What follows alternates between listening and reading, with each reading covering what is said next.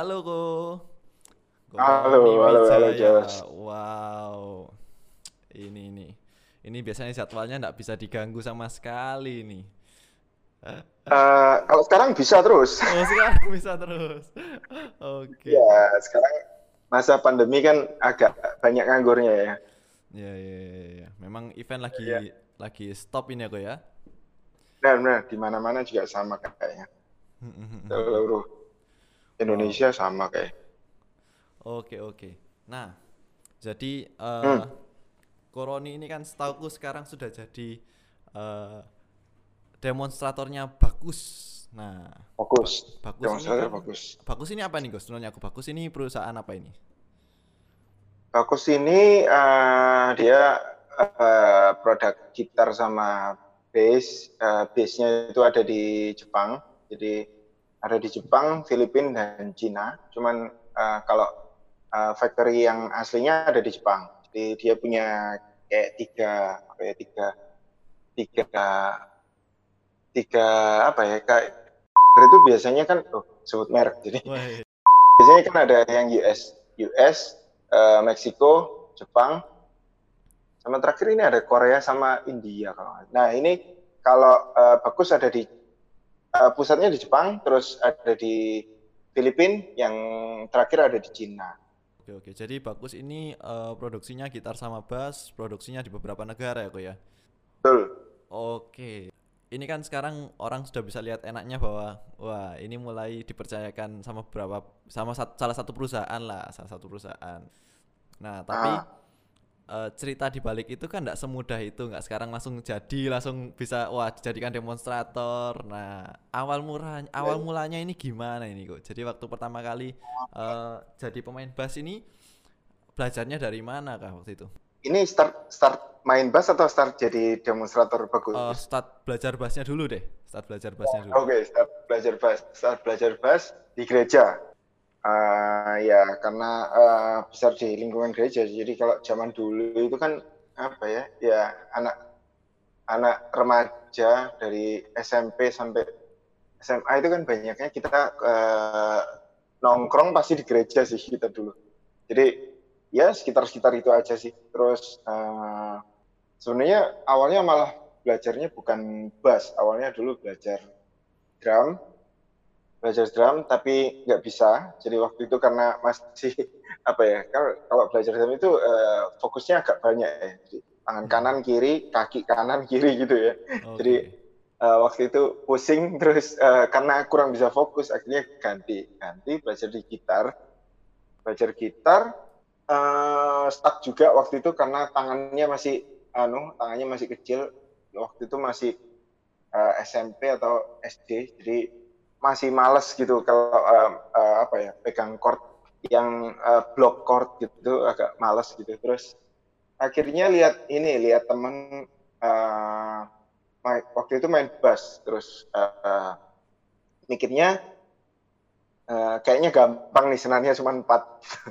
Jadi ya akhirnya eh, start belajar bassnya karena itu. Jadi lihat bass kayaknya eh, fungsinya juga nggak terlalu rumit.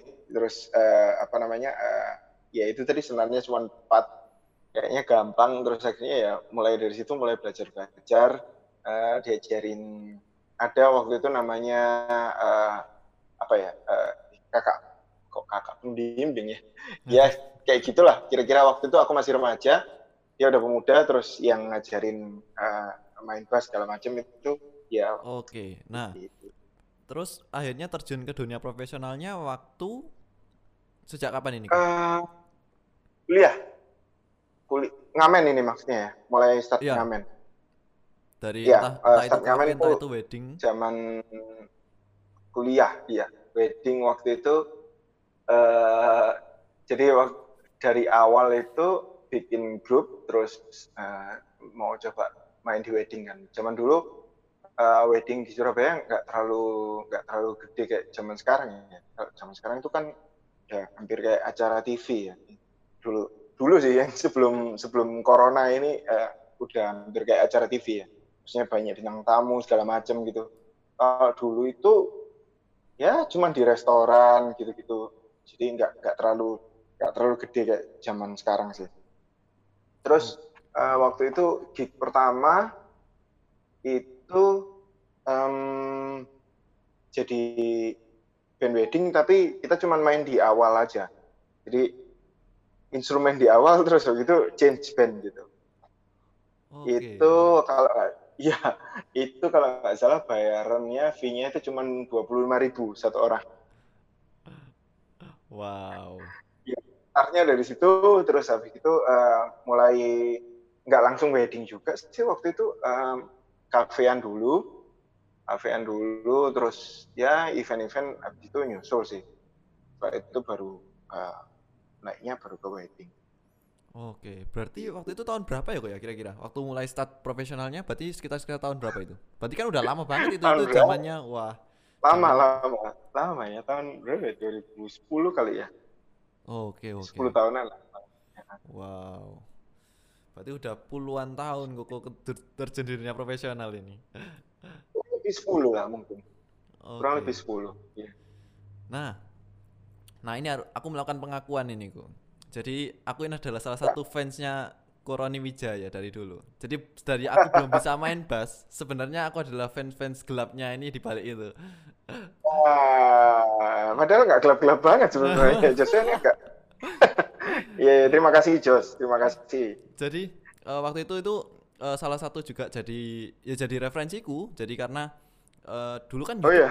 YouTube masih susah kan kok YouTube kan masih ya waktu itu waktu itu zamanku masih susah. Aku masih susah untuk mendapatkan akses YouTube waktu itu. Iya. Oke okay, oke. Okay. nah Aha. terus uh, Koko masih cover waktu itu aku masih ingat banget. Ada dua lagu itu ada Kulit B punya Raisa sama Michael Jackson. Nah wah ini iya, ini yeah, yeah, yeah. basis. Karena waktu itu belum tahu kalau Koko ada di Surabaya waktu nggak salah nggak ada keterangannya kayaknya waktu itu. Oh iya, oh. Uh -uh. Iya, iya, iya. Itu terus. Thank you, thank you. Bahkan sebelum aku tahu, uh, mungkin sebelum aku tahu Berry Likumahua, ya artis terkenal yang lain lah. Mm-hmm. Duluan tuh ya paling dulu mm. yang aku lihat sih Koroni waktu itu memang. Cuman waktu itu belum tahu akhirnya. Iya tapi memang waktu waktu zaman-zaman saya uh, aku cover yang itu kan lama banget itu tahun 2000 berapa ya? Lupa. Itu memang zaman itu memang nggak banyak artis yang upload kayak misalnya kayak zaman Ronald uh, kalau sekarang kan banyak ya. Maksudnya kita lebih banyak tahu basis Indonesia yang keren-keren. Nah, Steven um, apa namanya Sultan Sultan siapa namanya? Sultan siapa sih namanya? Sultan Renaldi. Itu yang main bass uh, yang sekarang ke mana? Rusia itu.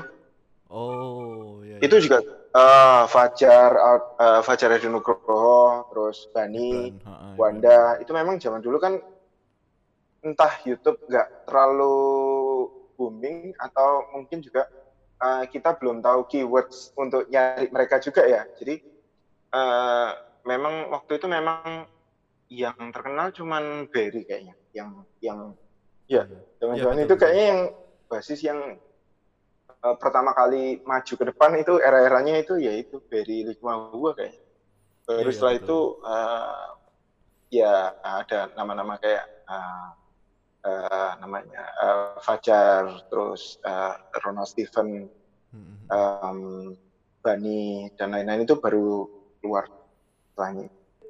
Uh, apa ya? Ya keywords itu mungkin zaman dulu mungkin nggak terlalu ini ya sekarang itu. Kalau sekarang maksudnya kita cari apa ya dulu keywordnya cari bass cover gitu kan cuma bass cover gitu aja ya betul kita cari uh, di YouTube bass cover gitu yang keluar gitu. Mm-hmm. Kalau sekarang kan kita udah tahu personnya, kita udah, udah tahu uh, apa ya lebih dekat sama sama individualnya. Karena mungkin ada Instagram gitu, jadi kita banyak tahu uh, banyak tahu nama orang-orangnya, jadi kita bisa langsung search ke orangnya itu langsung sendiri-sendiri.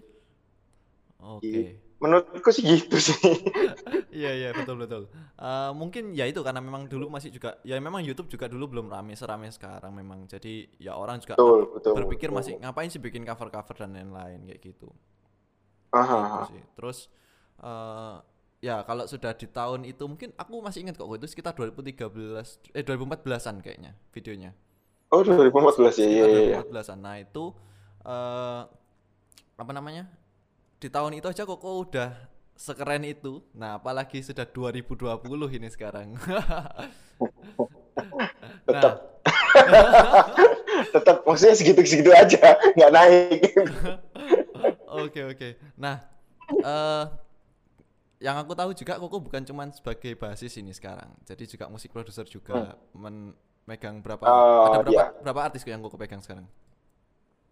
Uh, satu. Oh, masih satu ya? Uh, satu. Ya, itu ya? Yang lainnya cuma produksi-produksi lewat aja sih kayak ya uh, pesan lewat, pesan lewat gitu. Cuman hmm. kalau yang um, apa ya? Ya dibilang dibilang dibilang pegang sih sebenarnya aku nggak terlalu maksudnya nggak nggak terlalu ngeplot untuk se sekota itu cuman yang banyak percaya sama aku sih ini Tiara Tiara Regresia yang atau Tia itu yang um, banyak sekali yang mempercayakan karyanya juga ke aku uh, udah jalan berapa ya satu iya ada ada dua sih yang udah udah launching ada beberapa juga yang masih disimpan cuma nunggu waktu aja gitu. nunggu rilis saja ya oke okay. mm -hmm. nah sorry ada yang kelewatan kok ternyata uh, Koko iya. selama awal profesional sampai sekarang udah berapa ratus band kok yang sudah dilewati ini kan selama ini oh. masih additional terus ya oh. kan atau Koko sudah ada band sendiri selama sekarang ini akhirnya uh, band ya band maksudnya ini band wedding gitu band wedding band session ya. gitu ataupun ada mungkin band indie mungkin enggak enggak ada oke okay. band indie dulu pernah maksudnya yang ini ya maksudnya yang uh, lagu original gitu ya ya betul ha. Uh, sekali doang dulu pernah bikin project yang original. Terus nggak jalan. Okay. um, ya kalau sekarang sih ya bukan sekarang sih dari dulu sih aku selalu mikirnya aku ini uh, freelance. Jadi jadi um, ya ke sana bisa ke sini bisa gitu. Jadi uh, nggak nggak nggak ada band yang yang anu sih Jos nggak ada band yang um, tetap itu enggak, enggak. ya sebenarnya kalau di Surabaya ini kan le lebih banyak bandnya daripada uh, musisinya. Ya nggak sih? Jadi kalau uh, kalau Joshua mungkin tahu band A sama band B atau nanti ketemu band sampai band F misalnya. Dari band A sampai band F ini ada kesamaan personel gitu satu dua gitu. Iya kan? Okay. ya, sering ya, kan ya, kalau di Surabaya itu entah itu ini kayaknya pemain keyboardnya pemain keyboardnya ini deh. Ini vokalisnya ini deh gitu. Jadi kayak uh, ya kalau di Surabaya itu ya itu sih jumlah bandnya melebihi jumlah musisinya. Jadi uh, ya comot-comot gitulah. Kalau misalnya kita banyak banyak kenal uh, banyak kenal banyak kenal orang-orang yang mengelola band-band itu jadinya kan um, kalau mereka butuh itu pasti ya kurang lebih itu itu aja yang dikontak jadi ya, maksudnya nggak nggak mungkin lah dia cari uh, cari di um, maksudnya cari di luar yang dia tahu gitu untuk untuk main di bandnya Iya benar gitu. pasti banyak karena rekomendasi ya kok ya. Betul betul. Ya apalagi kalau di orkestra kan juga playernya juga banyak yang sama apalagi mau orkestra mana pasti kurang lebih ya pemainnya ya itu itu aja. Betul betul. Oke. Betul. Nah uh, pengalaman juga kan koko sering ngiringin artis juga ya kok ya. Kalau misalnya di wedding pun juga banyak ngiringin artis juga.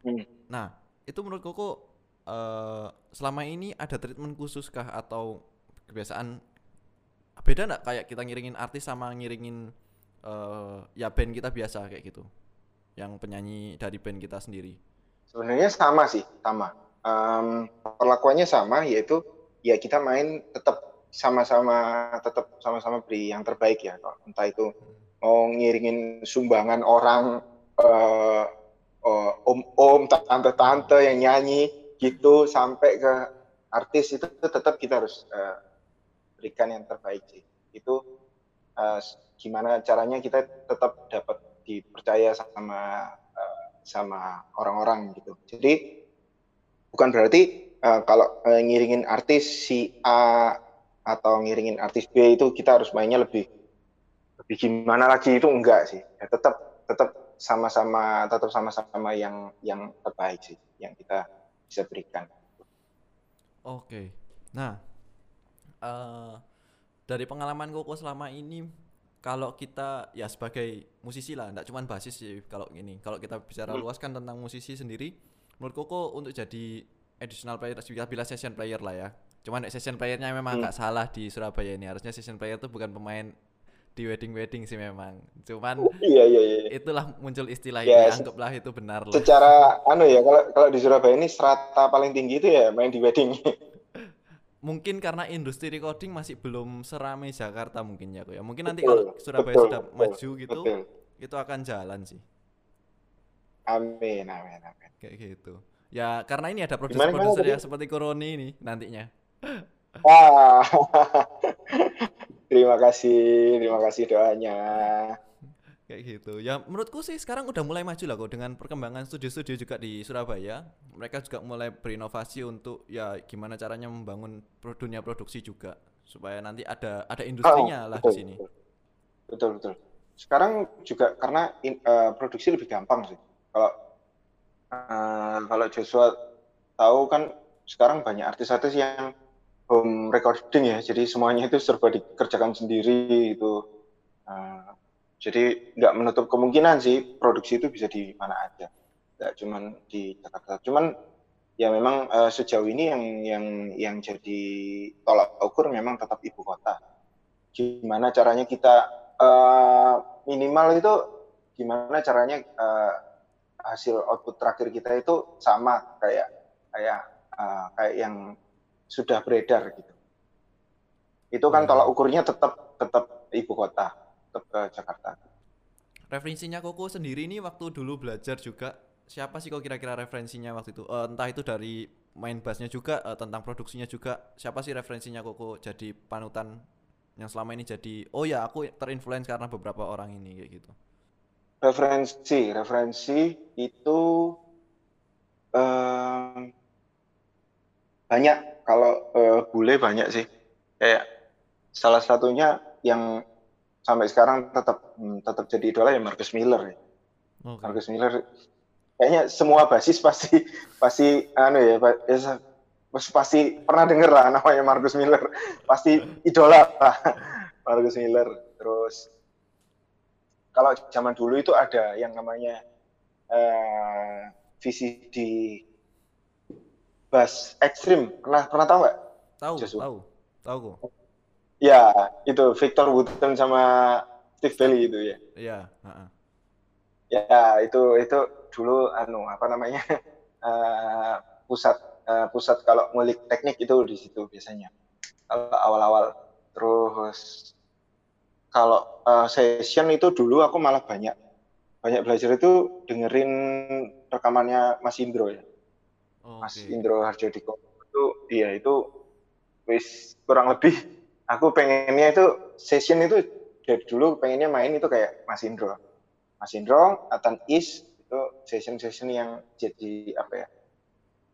Karena mereka ini bukan bukan tipikal yang bukan tipikal yang yang too much waktu main. Ada kan uh, session yang yang mainnya tuh masih uh, apa ya? Masih ada apa ya? Masih ada ego sendiri gitu. ya. Idealismenya Dikit sendiri. gitu. Kenapa kenapa? Idealismenya sendiri, idealis dia. Benar, benar, benar, benar, benar. Nah, kalau I- Mas Indro sama Nathan itu kalau menurutku sih pas itu. Jadi ada karakternya tapi eh, pelayanannya juga pas gitu di lagu Oke. di tiap lagu itu mereka waktunya waktunya eh, waktunya long note ya long note, waktunya mereka eh, fill in ya fill in.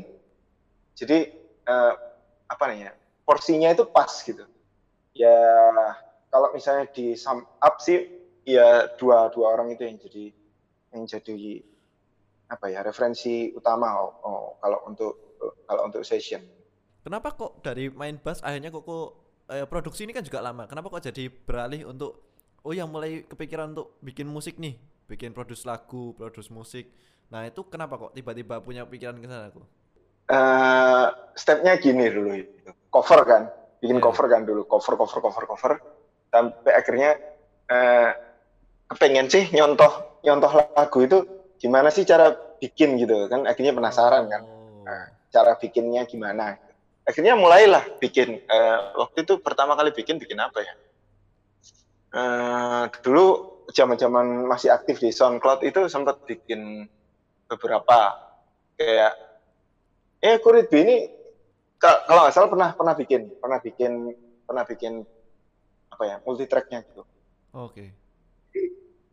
uh, eh, mulai ini sih mulai mulai dari cover terus uh, pengen bikin apa ya istilahnya versi instrumennya gitu ya covernya versi instrumen gitu jadi karena lagu Indonesia dulu kan nggak ada backing track. Kalau zaman sekarang kan udah ada kayak di YouTube ini lagu-lagu um, banyak ya. Misalnya kita mau ya, cover betul. lagu Cikeko, misalnya kita tinggal cari instrumennya aja, kita tinggal main instrumennya gitu. Kalau zaman dulu kan lagu Indonesia jarang itu yang ada backing tracknya. Gitu. Akhirnya dari situ mulai tanya-tanya, mulai bikin sendiri. Uh, waktu itu masih pakai Nuendo dulu uh, bikin multi tracknya akhirnya mulai dari situ keterusan uh, tapi ya masih masih kreatif kreatif sendiri maksudnya uh, dalam artian uh, ya nggak untuk dikomersilkan gitu. sampai akhirnya um, selanjutnya itu bikin ini uh, sequence atau bikin backing track ya untuk untuk uh, band gitu ya. jadi kalau uh, main yang lagu yang agak uh, apa ya agak banyak isi-isiannya itu kan pakai backing track gitu ya yeah, kalau yeah. di live band gitu ya itu mulai mulai bikin itu mulai bikin itu terus akhirnya ada beberapa yang beberapa uh, ya akhirnya ada beberapa orang yang mulai uh, tertarik untuk uh, bikin produk original gitu jadi salah satunya ya di arah ini uh, karena uh, temenan lama juga terus uh, apa ya istilahnya? Ya referensinya juga nyambung. Kalau ngobrol nyambung, terus uh, musiknya juga kurang lebih sama kita yang didengerin. Akhirnya kan uh, cocok. Terus um, ya mulai produksi mulai dari situ sih. Oke, nah. Jadi kalau misalnya ditanya kenapa itu ya nggak tahu kenapa. Oh. Maksudnya ya seneng aja. Iya iya iya iya. Ya. Mungkin itu juga alasan oh tapi enggak sih kalau main bass kan tadi karena kelihatan mudah itu ya. benar benar benar. kalau bikin musik kelihatan mudah juga enggak kok? enggak, enggak. bikin musik itu enggak, enggak, enggak semudah itu. ya apa ya? Ya banyak lah stepnya apa ya? Ya macam-macam lah. Anu eh, kesulitannya ada sendiri-sendiri. Oke, ya ya betul betul betul. Nah, nah. Nah, sekarang kan banyak orang tahu uh, ya di endorse tuh enak di dem jadi demonstrator tuh enak cuman apa sih yang dikerjakan seorang demonstrator ataupun endorsi gitu kok banyak orang cuman tahu enaknya oke okay, dapat instrumen and then finish selesai nggak tahu setelah setelah itu ngapain kayak gitu nah sebenarnya apa yang dikerjakan sih kok uh, yang dikerjakan berarti untuk demonstrator ini ya? Ya betul betul. Uh, yang tak kerjain ya ya bikin konten untuk bagus terus um, gimana caranya nama bagus ini uh, banyak didengar orang gimana caranya uh, soundnya bagus ini banyak didengar orang itu aja sih. Jadi uh, caranya ya tiap kali aku main ya pakai bass ya bagus terus um, tiap kali cover ya pakai bass ya bagus gitu kalau endorse mungkin uh, kewajibannya mungkin beda lagi ya. Just. Oke. Oke, kalau demonstrator kurang lebih ya bikin konten lah ya, bikin konten. Ya, bikin konten. Oke, oke, oke. Nah, uh, menurut Koko kalau misalnya kita mau baru belajar ini, baru belajar uh, mau jadi pemain yeah. bass ataupun mau jadi musik produser. Tapi, tapi tapi pertama pemain bassnya dulu deh. Nah kita mau jadi pemain bass seperti Koko yang jadi di dunia profesional di Surabaya lah kita ngomongnya di lokal aja di Surabaya. Gimana sih kok caranya kita yeah. bisa jadi uh, edisional yang baik gitu kan sekarang banyak tuh yang pengen juga untuk main sama band-band besar. Kok kan juga sempat ngiringin ya orkestra-orkestra besar di Surabaya juga kayak gitu. Hmm.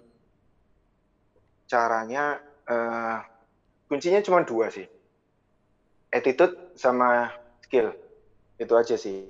Jadi uh, dua-duanya itu harus sama-sama bagus. Jadi skill harus bagus attitude juga harus bagus. Kalau misalnya kamu punya skill bagus tapi attitude-nya nggak bagus pasti ya cuman ya cuman kamu pasti bakal dipanggil kalau terpaksa gitu. Kalau misalnya udah nggak ada lagi ya sebelum pakai ini. Begitu juga sebaliknya misalnya uh, kamu orangnya asik tapi skillnya nggak nggak terlalu ya akan dipakai uh, ya itu secara terpaksa kalau misalnya opsinya udah nggak ada ya baru pakai ini jadi intinya gimana kita uh, ngobrol bisa nyambung sama orang-orang itu kalau misalnya kalau misalnya kita ngobrol nyambung, ngobrol aja udah nyambung, berarti main musik udah pasti nyambung. Itu. Terus ketika kita dikasih kepercayaan misalnya, uh, Jos uh, minta tolong main tanggal segini sih, bisa nggak? Itu kita harus uh, apa ya uh, memenuhi kepercayaannya orang itu supaya orang itu nggak kecewa dengan cara ngulik uh, materi, terus on time datang. Ya udah sih terus well prepare aja sih. Intinya ya begitu kamu datang duduk uh, segala macam materi itu kelewati maksudnya nggak ada yang nggak ada yang apa ya ini kayaknya aku belum deh itu itu agak ngedrop biasanya. Atau um, ya kecuali kalau memang uh, kalau kecuali kalau memang uh, skip ya kan yang namanya orang kan uh, misalnya lihat itu kan ya tetap ada salah-salahnya sih Jos. Nggak mungkin lah ya orang okay. maksudnya eh, 100% bener semua itu kan ya nggak mungkin ya namanya orang kan pasti ada salah-salah tapi ya ya itu tadi sih ya harus seimbang sih antara skill sama attitude. Kalau misalnya eh, katakanlah kalau misalnya kamu eh, ada yang lewat gitu misalnya aku kayaknya lagu ini ada yang eh, belum ngulik misalnya. Tapi kalau attitude-mu bagus dan kamu orangnya uh, enak diajak ngobrol ya pasti uh, partnermu pasti akan maklum sih. Jadi oh kan belum? Ya pakai ini aja atau kamu pasti dikasih partitur atau atau lagunya bisa di skip ya ya itu nanti datang sendiri sih tapi ya tergantung tergantung partner juga sih biasanya eh, ya ya kita harus ini sih harus uh, ya minimal kita harus uh, lebih teliti, nyiapin materi, sama ngulik eh, ini, ini yang agak penting, ngulik orang yang ngasih job. Jadi misalnya, misalnya sih, misalnya ini Joshua ngejob aku nih, aku kudu ngerti, aku harus harus ngerti Joshua ini uh, guyonnya yang kayak apa, guyonnya yang yang yang pasaran gitu atau guyon yang sekolahan. Gitu. Jadi supaya waktu ngobrol ini enggak anu enggak enggak jauh. Oke. Okay. Kan misalnya kita ngob ngobrol nih sama, sama bos nih misalnya sama bos. Kalau misalnya uh, bos ini ngob uh, joknya itu bukan jok yang yang kampungan, bukan jok yang yang pinggiran gitu ya. Ya udah ya nggak nggak perlu lah kita jok meskipun meskipun misalnya kita kebiasaan sama jok yang yang pinggiran gitu ya ya udah nggak perlu apa ya ya diikuti lah harus harus ngikuti ritme ritme orang-orang yang ngejob kita gitu. Oke. Itu ya. sih Jos. Jadi uh, yang pertama yang tak tangkap adalah ya kita harus tanggung jawab lah. Kita sudah dipercayakan pekerjaan, ya kita harus tanggung jawab dengan kepercayaan itu, ya kan. Yang kedua ya kita hmm. harus adaptasi dengan lingkungan yang yang kita akan temui juga gitu. Ah, Jadi, ah benar. benar. Uh, akhirnya ya, itu, itu sama skill lah. Betul betul. Jadi akhirnya nanti bisa orang tuh kerjasamanya juga enak nantinya. Ya. Oke, nah kalau misalnya jadi musik produser kok apa kok yang menjadi uh, bahan deh? Ya kan ini kan Koko udah mungkin udah produce banyak, cuman kan yang baru rilis memang dua, punyanya Kak Tia ya. Nah tapi dari pengalaman Koko ini eh, kira-kira di saat kita memproduksi seseorang apa sih yang kita harus perhatikan gitu? Yang harus diperhatikan pertama yang yang di order gimana ordernya oh maksudnya yang yang di order itu itu kita harus baca jadi misalnya kadang ada beberapa beberapa klien yang nggak bisa nggak bisa membahasakan ordernya gitu contoh misalnya aku mau pesan lagu uh, mau aransemen lagu, aku udah punya lagu, tolong di aransemen. um, misalnya dia pengen rock nih, aku pengen ini uh, ini nanti uh, moodnya rock ya. Nah, rock ini kan macam-macam ya. Ada rock yang dari grunge gitu, rock underground, rock ballads, rock yang alternatif, banyak lah. Maksudnya rock ini banyak. Kita harus tahu nih, maksud maksudnya dia ini yang kayak apa gitu. Karena kalau misalnya kita nggak nangkep apa yang dia maksud, kita akan kerja dua tiga kali lebih. Uh, maksudnya uh, bisa di do over berkali-kali gitu. Misalnya kita bisa kayak gini, kita udah ngerjakan terus kita udah ngajukan kayak gini ternyata salah gitu. Itu do overnya itu bisa berkali-kali gitu kalau misalnya kita nggak bisa baca apa ya, nggak bisa baca uh, yang kliennya. dimaksud sama kliennya. Hmm. Terus um, kemarin aku sempat ngikut ini, ngikut uh, ngikut seminarnya Ronald Steven waktu itu sempat bikin di IM Solution ini ya. Joshua ikut gak waktu itu? Ikut, ikut, ikut juga. Ada? Ada, ada. Go. Ya, itu kan dia bahas tentang produksi. Ada satu statement yang yang aku cocok sih sampai sekarang itu adalah uh, kalau misalnya hire sebagai maksudnya kita hire orang sebagai produksi itu kita nggak cuma hire. Kita nggak hire orang itu karena dia jago tapi kita hire itu karena kita hire orang itu karena taste-nya kita cocok. Jadi yang yang dijual ini taste-nya gitu loh bukan bukan bukan cuma skillnya tapi taste-nya. Jadi misalnya orang hire Joshua ini karena dia cocok sama taste-nya yang Joshua ini bikin misalnya Joshua ini bikin yang uh, uh, yang lofi lofi gitu lofi yang uh, atau bikin yang R&B yang ya yang bahasanya gitu adalah uh, ya karena itu itu maksudnya orang itu hire karena tesnya itu sesuai gitu. Ya ya betul. Mm -hmm. Oke oke ya ya betul. Uh, jadi uh, kebanyakan mereka juga nggak karena mereka juga nggak paham. Kalau kita ngomong tentang teknis dan apa pun ya mereka juga nggak paham. Tapi di saat oh, kita ngomongkan betul. tentang rasa maunya seperti apa itu mereka malah lebih nyambung sama kita. Betul, jadi betul, percuma kita bahasakan dengan ya. teknis apa pun itu ya nggak ada nggak ada gunanya gitu. Betul betul. Koko ini kan uh, sekarang uh, profesinya jadi musisi ini sekarang. Hmm. nah tapi kan sekarang terdampak karena pandemi Nah, betul. Apa ini kok? Uh, bentuk adaptasi apa yang koko lakukan untuk ya kondisi yang seperti sekarang ini kan kita nggak bisa diem bahwa oke okay, sekarang nggak ada event terus kita nggak bisa ada job terus kita diem aja kan nggak mungkin oh. gitu loh. Nah kita harus adaptasi seperti apa sih dengan adanya pandemi ini kita sebagai musisi lah sebagian besar mungkin ataupun entertainer yang lain. Uh, kalau saya sih akhirnya jual makanan ya. Oke. Okay. Ya nanti bisa cek di Instagram aja lah kalau jualannya. Oke. Okay. Um, intinya apa aja lah yang yang bisa yang bisa dikerjain tuh kerjain lah. Yang yang bisa buat buat kita untuk survive. Karena uh, dulu itu aku mikirnya uh, aku aku nggak bisa nggak bisa kerja nggak bisa kerja yang lain itu karena skillku ya ya. Karena maksudnya dulu agak protes karena ya skillku skill gue cuma main musik gitu jadi kalau misalnya main musik di stop eh, entertain di stop kan mau mau kerja apa lagi coba? Ya ternyata ya kita harus aware bahwa Tuhan itu nggak ngasih nggak ngasih rezeki itu dari itu itu aja.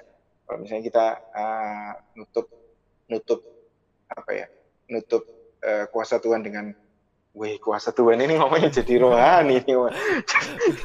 Maksudnya kalau kita uh, ngotak ngotakin apa ya, ya rezeki cuma dari musik itu kayaknya ya enggak lah.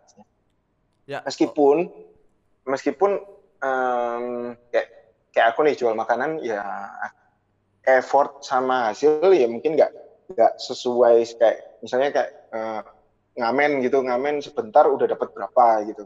Kalau ini kan kita harus uh, apa ya ya kerjanya lebih susah uh, ya harus produksinya lebih ribet terus hasilnya juga nggak terlalu banyak gitu. tapi ya ya mau gimana lagi ya Jos ya ya maksudnya yang yang bisa dikerjain itu ya kerjain aja selama itu masih bisa buat buat kita untuk survive gitu.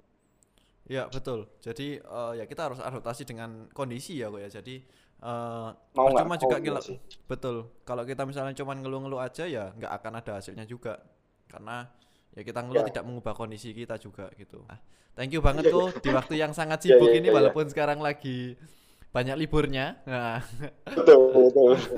tapi semoga nanti Terima kasih ya, corona ini sudah cepat selesai kok.